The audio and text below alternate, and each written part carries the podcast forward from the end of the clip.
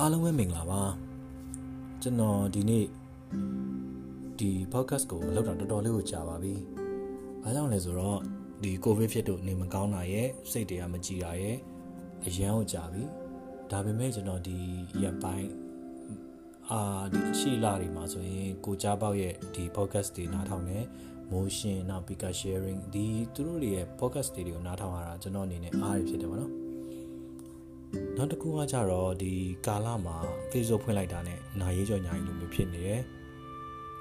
sorry ပါအာဘယ်လောက်တိတောင်ဆိုတယ်ဆိုတော့ကျွန်တော်တငယ်ချင်းအရင်ကြီးနေတချို့ဆိုရင်အဖေရောမေရောရပ်ပိုင်းနေချပြီးစုံသွားတာရှိတယ်တချို့တွေကဒါကိုအပြစ်တင်ကြတယ်မိဘကိုပြုစုတယ်လို့မှားလို့လို့ပါလို့တယောက်နဲ့တယောက်ယောဂအခြေအနေကလည်းမတူတဲ့အခြားမှာဘလို့ပဲပြုစုတော့၎င်းယောဂအခန့်ရှိတဲ့အခါမှာဒီကိုဗစ်ကြီးက ဟိုအားလုံးသိတဲ့အတိုင်းပဲအလွယ်တကူဆုံးပါသွားနိုင်တယ်ဗောနော်တခုခုဆုံးပါသွားပြီးမှတယောက်ကိုတယောက် blame ဟိုအပြစ်တင်နေစရာမလိုတော့ဘူးလို့ထင်ပါတယ်တခါကျရင်ကျွန်တော်တို့လောကကြီးမှာကျွန်တော်တို့လုတ်ပိုင်လုတ်ပေးနိုင်စွမ်းရှိတဲ့အချိန်လုတ်ပေးနိုင်စွမ်းရှိတဲ့အင်အားရှိတယ်ဆိုရင်အစွမ်းကုန်တာလုတ်ပေးလိုက်ပါဘာကြောင့်လဲဆိုတော့ကျွန်တော်တို့ဘဝမှာနောင်နာဆိုတာလုတ်ပေးလို့မှားသွားလို့ဆုံးရှုံးသွားလို့ရတဲ့နောင်နာဆိုတာမရှိပါဘူး မလုတ်လိုက်ရလို့ဘာမှမလုတ်ပေးနိုင်လို့ငါမလုတ်ခဲ့ရလို့လွတ်လွတ်သွားတဲ့အရာတွေကလားနောင်နာဖြစ်စေတာပါအဲဘာကြောင့်လဲဆိုတော့ကျွန်တော်ကိုယ်တိုင်လည်းဘဝမှာအသက်လိုက်ကြလိုက်လေကြလိုက်ပြန်ထလိုက်နေအချိန်မောင်းမနေပါဘူးအလုပ်မျိုးစုံလုပ်ငန်းမျိုးစုံအရာအလုံးကိုလည်းကြော်ဖြတ်ဖို့ပါတယ်ဆိုတော့တခါကြရင်ကိုယ့်ရဲ့ဒီစိတ်ထဲမှာရှိတဲ့ လှုပ်ချင်တဲ့အရာလှုပ်လိုက်ပါဘာကြောင့်လဲဆိုတော့ကျွန်တော်တို့အခုအားလုံးဒီကိုဗစ်ကာလမှာဆိုရင်လူတွေကဟိုဘယ်ဘာသာမှဘယ်ဘာသာတရားကိုကိုးကွယ်တဲ့လူတွေပဲဖြစ်ဖြစ်အားလုံးကအတိလင်းတစ်ခုလေးပွင့်သွားတယ်ထင်တယ်ဗောနော်ရှာထားတဲ့ပတ်စံတွေဒီစုဆောင်းထားတာလေဟိုလှုပ်ချင်တာတွေအားလုံးမလှုပ်ပဲနဲ့မလှုပ်ရပဲနဲ့အလွယ်တကူဒီလောကတွေကထွက်သွားနိုင်တယ်ဆိုတဲ့အရာလေးပါအဲ့ဒီတော့ကျွန်တော်တို့ဒီလှုပ်ချင်တဲ့အရာတွေကိုအသက်ရှင်နေတဲ့၍ လှုပ်သွားဖို့ကလိုအပ်တယ်ဥပမာမိဘကကိုယ်ရဖြစ်တယ်လို့၎င်းအဲ့ချိန်မှာကိုယ့်အနေနဲ့အဆန်းကုန်ပြုစုပေးတင်တယ်လို့ထင်တယ်ငါကူးမှကြောက်လို့ဆိုပြီးတော့မိဘကိုဒီဟိုအထက်ခိုးလေးမှာပဲဖြစ်ဖြစ်အခန်းလေးထဲမှာပဲဖြစ်ဖြစ်ကာထားပြီးတော့ဟိုဖြော်စရာတောက်စရာလေးကျွေးပြီးထချထားပြီးအမြန်ပြေးထွက်တာပြီးမျိုးမျိုးဟိုတကယ်ကိုထောင်သားတယောက်လိုမျိုးအခန်းထဲပျက်စီးထည့်ပြီးလှုပ်ပြီးလို့မရဘူး မိဘဆိုတာကကျွန်တော်တို့ငငယ်တုန်းကလည်းဒီနေမကောင်းထိုင်မကောင်းဖြစ်ခဲ့သူတို့မှမအိပ်ပဲနဲ့တိတိကျကျပြုစုခဲ့ပေးတာပဲဒီကာလမှာမိဘကိုပြုစုပေးတင်တယ်လို့ထင်တယ်။ဘာကြောင့်ကျွန်တော်ဒီစကားကိုပြောရလဲဆိုတော့ကျွန်တော်ရဲ့ဒီတငယ်ချင်းတယောက်ကသူသူ့မိဘဆုံးတော့ Facebook ပေါ်မှာစာရှိနဲ့ဒီသူ့ရဲ့မောင်နှမလေးကိုအပြစ်တင်တဲ့ပုံစံရေးထားတယ်ပေါ့နော်။သူကိုယ်တိုင်ကလည်းဘာမှမလုပ်ပေးနိုင်ဘူးဆိုတာလည်းပါတယ်။ဘာကြောင့်လဲဆိုတော့သူ့မှာလည်းခလေးအငယ်လေးတယောက်ရှိတဲ့အတွက်ကြောင့် ဆိုတော့ဒီလိုမျိုးဟိုဘယ်လိုပြောမလဲဟိုဘက်လဲလဲကြောက်ဒီဘက်လဲလဲရေကန်တယ်အဲ့လိုမျိုးကို့မှာလှုပ်လို့မရတဲ့အခြေအနေမျိုးတွေမှာဘယ်လိုဖြည့်ရှင်းသင့်တယ်ဆိုတဲ့အရာတွေကိုကျွန်တော်တို့ခေါင်းအေးအေးနဲ့ထားပြီးတော့စဉ်းစားပြီးတော့ဖြည့်ရှင်းသင့်တယ်တခါကြရင်ဟိုကျွန်တော်ခဏခဏပြောဘူးနေကြစကားတခုရှိတယ်ပေါ့နော်ကျွန်တော်တို့မိဘတွေပဲဖြစ်ဖြစ်ကျွန်တော်တငယ်ချင်းထဲမှာစကားပြောရင် တခါကြရင်လို့ကျွန်တော်တို့တွေကအရန်ကိုတကူကောင်းဆန်တယ်လို့မိဘနှစ်ပါးကသားသမီးတွေအားလုံးကိုပြုစုစောင့်ရှောက်နိုင်ပေမဲ့သားသမီးတွေအားလုံးကဒီမိဘနှစ်ပါးကိုဂယုမဆိုင်နိုင်ဘူးပြုစုမစောင့်ရှောက်နိုင်ဘူး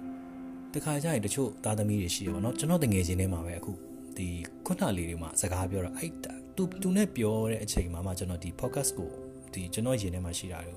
ပြောပြချင်တာလားဘာကြောင့်လဲဆိုတော့ သူ့အနေနဲ့ဒီမိဘကိုအမေတယောက်ပဲကျန်တော့ဗောနော်အဖေကပြီးခဲ့တဲ့ရှေ့တလားနှစ်လားတော့ဆုံးသွားတယ်ဒါကသူ့ယောဂနဲ့သူကင်ဆာနဲ့ဆုံးသွားတယ်ကိုဗစ်ကြောင့်မဟုတ်ဘူးဆိုတော့အမေပဲကျန်တော့တယ်အမေကလည်းအသက်တော်တော်ကြီးပြီဆိုတော့ သူတယောက်တည်းပြုစုစောင့်ရှောက်ရတာကိုသူ့အနေနဲ့နည်းနည်းအခုဆိုရင်စိတ်ညစ်တယ်ပေါ့နော်အမေမှာတတိမေ့တဲ့ယောဂရှိတယ်အဲ့လိုမျိုးအယ်ဇိုင်းမာပုံစံတော့မရောက်သေးပေမဲ့အဲ့လိုတတိမေ့တာတို့ emotion နဲ့အရန်ဖြစ်နေတာတို့အဲ့လိုမျိုးယောဂမျိုးဖြစ်နေတယ်ဆိုတော့သူ့အနေနဲ့ပို့ပြီးတော့စောင့်ရှောက်ရတယ်အလုပ်ကလည်း work from home လုပ်လို့ရတယ်ပေမဲ့ဒီဟာကြီးကိုသူ့အနေနဲ့အရန်အနွားဟိုစိတ်အနှောက်အယှက်အရန်ဖြစ်တယ်ပေါ့နော်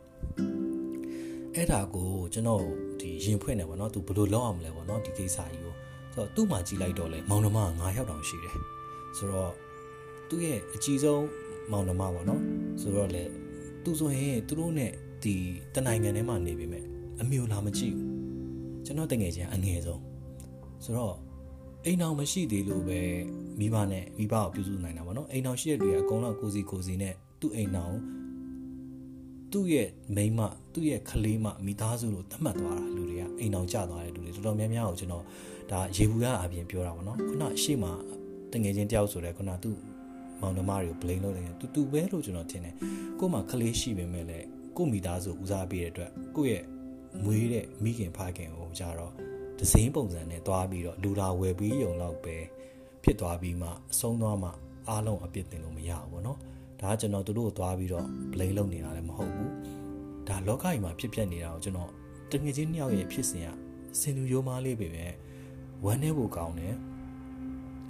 မိဘရာဟိုမွေးကလေးကညာမအိတ်အေးရေးတွေပြက်နိုးတိုက်ယောဂဖြစ်ရင်စေကံပြအသေးသားတွေလောက်ပြီးတော့တတလုံးသူတို့ရဲ့အိမ်မက်တွေသူတို့ရဲ့လှုပ်ချင်တာတွေကိုမျိုးတိတ်ပြီးတော့ကလေးတွေကိုပြုစုဆောင်ရှောက်တယ်ကြောင်းထားတယ်အဲ့မှာစကားပြောစရာတခုရှိသေးတယ်ကျွန်တော်တကယ်ကြီးကပြောလဲဆိုတော့သူ့အမေရတဲ့ငငယ်တုန်းတည်းကသူဖြစ်ချင်တာတွေကိုသူတို့ကိုလှုပ်ခိုင်းတယ်ပေါ့နော်သူလှုပ်ချင်တာတွေမလှုပ်ခဲ့ရဘူးပေါ့နော်အဲ့လိုမျိုးပြောတော့ကျွန်တော်ရည်ချင်တယ်ပေါ့နော် ဘယ်မိဘမဆိုကျွန်တော်အကေကျွန်တော်တို့မိဘဖြစ်ရင်လည်းကိုသားသမီးကိုကိုမလုပ်ခဲ့တဲ့အရာတွေကိုလုပ်စေခြင်းပါပဲဥပမာကိုကအဆူတော်ဖြစ်ခြင်းတယ်ဆိုရင်ကိုသားသမီးကိုအဆူတော်ဖြစ်စေခြင်းတယ်မိဘတိုင်းမှာဒီလိုမျိုးပတ်တန်တစ်ခုအနေနဲ့သွားနေတာကျွန်တော်တွေ့ရတယ်ဒီဥစ္စာကိုသွားပြီး blame လုပ်လို့ရလားဆိုတော့မရဘူးဘာလို့လို့မရဘူးလဲဆိုတော့သူတို့ကမွေးခဲ့ပဲသူတို့ကြွေးခဲ့တယ်ထားလိုက်ပါတော့ကျွန်တော်တို့တလိမ့်ဆန်လေးမွေးထားရင်တော့မှ ဟိုကြောင်လေးတွေခွေးတွေမှာအစာကျွင်းလက်ပေဆိုပေခေါင်းကုန်းဆိုပြေးဆိုပြေးခေါ်ရင်လာကိုကဒီလိုမျိုးလူတိုင်းမှာဒီလိုမျိုးဟိုစံသားရှိတယ်ဆိုတော့ကို့မွေးထားတဲ့သားသမီးဆိုတော့ပို့ပြီးဆိုတာပေါ့သူတို့ဖြစ်စေချင်တယ်အကောင်းဆုံးတွေဖြစ်စေချင်တယ်အကောင်းဆုံးတွေတက်စေချင်တယ်ဆရာဝန်ဝါသနာမပါပေမဲ့ねဆရာဝန်တက်နေတက်ခဲ့တဲ့ကျွန်တော်တငယ်ချင်းတွေများတပုံကြီးပဲလူတိုင်းမှာလည်းရှိမှာပဲပြီးသွားရင်ဆရာဝန်အလုပ်လုပ်တာဆိုတော့ဘယ်လို့မှမလုပ်ဘူးသူတို့ဝါသနာပါတာသူတို့လုပ်တာပဲ မိဘကိုသွားပြီး blame လုပ်လို့မရဘူးပေါ့နော်ဒီတက်တန်းတစ်ခုမှာသူတို့စိတ်ကျင်တဲ့အရာတစ်ခုကိုရအောင်ယူပေးပြီးသွားရင်ချန်တဲ့အပိုင်းကမိမိစိတ်ကြိုက်လုပ်လို့ရတာပဲလေဟုတ်တယ်မလားဒါဆိုတော့ကိုကိုကိုပြောညံ့တယ်ညံ့ပြင်းတယ်လို့တော့ကျွန်တော်ယူဆတယ်ဒါယူသွား blame လုပ်ပြီးတော့ဟိုအဖေနဲ့အမေမှာအဖေကကြတော့ဟိုပို့ပြီးတော့ဟိုပြောလို့ဆိုလို့ကောင်းတယ်အဖေကကြတော့ပို့ပြီးတော့သူနဲ့ဟိုဟိုဘယ်လိုပြောမလဲဗျာ ဟိုမုတ်ဝယ်လာဆိုရဲအဖေကစားတယ်အမေကဟိုကလည်းမစားကြီးကလည်းမစားကြကြီးကြောင်ရမ်းကြတယ်ဒါကပြောလို့နေရပြန်ကျွန်တော်တို့ငငယ်တုန်းကလည်းကျွန်တော်တို့ဟိုဟိုမစားဒီမစားရှိတာပဲလေကလေးဆိုပို့ဆိုတာပေါ့မိဘဒါကိုသွားပြီးတော့ဒီကလေးကတော့လိမ်ပါလေဒီကလေးကတော့စိုးတယ်ဆိုပြီးတော့ဟိုဘတ်လိုက်ပြီးတော့လှုပ်လို့မှမရတာလောကကြီးမှာဒါကျွန်တော်ဒီနေ့ဒီဒီနေ့မဟုတ်ပါဘူးဒီရက်ပိုင်းတောက်လျှောက်တွေ့နေတဲ့အရာတွေကို ပြောတာပါအကယ်ကိုမိဘမှာကိုဗစ်ဖြစ်ခဲ့တော့၎င်းဆိုရင်ဘယ်လိုမျိုးအကောင်းဆုံးပြုစုပေးရမလဲဘယ်လိုမျိုးအကောင်းဆုံးဟိုကို့မှာကိုကိုတတ်နိုင်တဲ့အင်အားနဲ့ဘယ်လိုလုပ်ပေးရမလဲပေါ့နော်ကျွန်တော်ခုနပြောသလိုပဲကျွန်တော်တို့မှာနောင်သားဆိုတာကကျွန်တော်တို့လုပ်ခဲ့တဲ့လုပ်ခဲ့ပြီးတော့မှားသွားတဲ့အခါဆုံးရှုံးသွားတဲ့အခါမှာနောင်နာဆိုတာရတာထက်ကျွန်တော်တို့ဘဝမှာမလုတ်လိုက်မလုတ်လိုက်ရတာကိုရတဲ့နောင်နာပို့ပြီးတော့ဆိုပါတယ်ကျွန်တော်ကိုတွေ့လည်းအများကြီးရှိပါတယ် ကျွန်တော် K2 vlog ဆိုပေမဲ့ကျွန်တော် Code for K1 ကိုလုပ်ခဲ့တာကကျွန်တော်ဒီလုပ်ချင်တဲ့အရာလေးတခုကကျွန်တော်ငငယ်လေးတွေကငယ်လေးဆိုတာကျွန်တော်10နှစ်10နှစ်တော့မဟုတ်ပါဘူး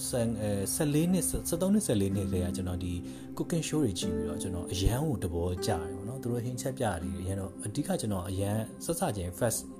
ဟို cooking show တွေတော့ရန်ကန်ကုတ်ဆိုတဲ့ဥစ္စာလေးကိုကျွန်တော်ငငယ်တော့ကြည့်ဘူးတယ်ငငယ်တွေတော့ကြည့်ဘူးဒါပေမဲ့အဲ့လောက်ထိ ဟိုတဘောဟိုကိုယ့်ရဲ့ passion စာမဟုတ်ခဲ့ဘူး။နောက်နည်းနည်းအသက်အရွယ်ရတော့ဟို Jane Oliver's ကိုကြည့်ရယ်အများကြီးပေါ့နော်တပြည့်ပြည့်ဒီနာမည်ကြီး celebrity chef တွေကိုကြည့်ပြီးတော့တဘောကြရသူတို့ချက်ပြတာလေးတွေပေါ့နော် entertainment အနေနဲ့ဖြစ်သွားတယ်အဲ့ချိန်ကျရင်တဖြည်းဖြည်းနဲ့ဟိုဟောငါလည်းတနေ့ဒီလိုမျိုးလေးဒီဝါသနာပါတာကိုချက်ကြည့်မယ်ရှောက်လုပ်ကြည့်မယ်ဆိုတဲ့ဟာလေးကအများတန်းရှိတယ်ဒါပေမဲ့တကယ်တမ်းလုံးဖြစ်တာကြတော့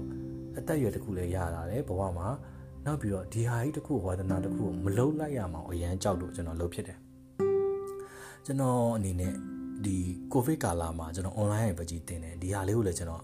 ဗီဒီယိုလေးတစ်ခုတစ်တစ်လေးလုပ်ပြီးတော့ကျွန်တော်တင်ပါအောင်မယ်ဆိုတော့ဝါသနာပါတာတွေကိုမလုပ်လို့မရဘူးဟိုဘဝတူတူလေးဖြစ်တဲ့အတွက်ကိုလှုပ်ချင်တာတွေကိုလှုပ်ခဲ့လိုက်ပြီးတော့ဖြစ်တာမဖြစ်တာတပိုင်းကျွန်တော်ပြောတာလှုပ်ချင်တာတွေလှုပ်ပြီးတော့အော်ငါလှုပ်ခဲ့ပါလားဆိုတဲ့ဥစ္စာနဲ့ နောင်တမရတာကပို့ပြီးတော့ကောင်းမယ်လို့ကျွန်တော်ထင်ပါတယ်ကျွန်တော်ဟိုအရင်တော့ဟိုမှာဂျပန်စာကိုသင်ခဲ့တယ်နှစ်ချိန်တော့တစ်ချိန်တက်တယ်အကြောင်းမျိုးမျိုးကြောင့်ဟိုဆောင်းဝဲနှစ်ခုတွားထက်လို့ဂျပန်စာလက်လွတ်လိုက်ရတယ်ညာချောင်း UFM မှာနောက်တစ်ခုပြန်တက်တယ်ပြန်တက်တဲ့အခါမှာဟိုဒုတိယတစ်ချိန်ပေါ့နော်ကျွန်တော်အလုပ်တွေပါလှုပ်ပြီးတော့အလုပ်တွေပါအခြေချပြီးတော့အခြေချသွားတဲ့အချိန်မှာဂျပန်စာကိုကျွန်တော်ပြန်ဖတ်တယ်အစာရေးပြီးတော့ပြန်ဖတ်တဲ့အခါမှာ entry လောက်ရောက်တဲ့အခါမှာဆိုရင် အလုံးမှာပြဿနာပေါ်ပြီးတော့ဒီဂျပန်စာပြန်ရက်လိုက်ရဒါပေမဲ့ဒီကာရထဲမှာကျွန်တော်ရက်လာဆိုတော့မရက်ဘူးပေါ့နော်တောက်လျှောက်ဟိုပြန်တော့မဖတ်နိုင်ဘူးဒါပေမဲ့အခုကိုဗစ်ကာလာကြီးဒီကာလာကြီးမှာဒီ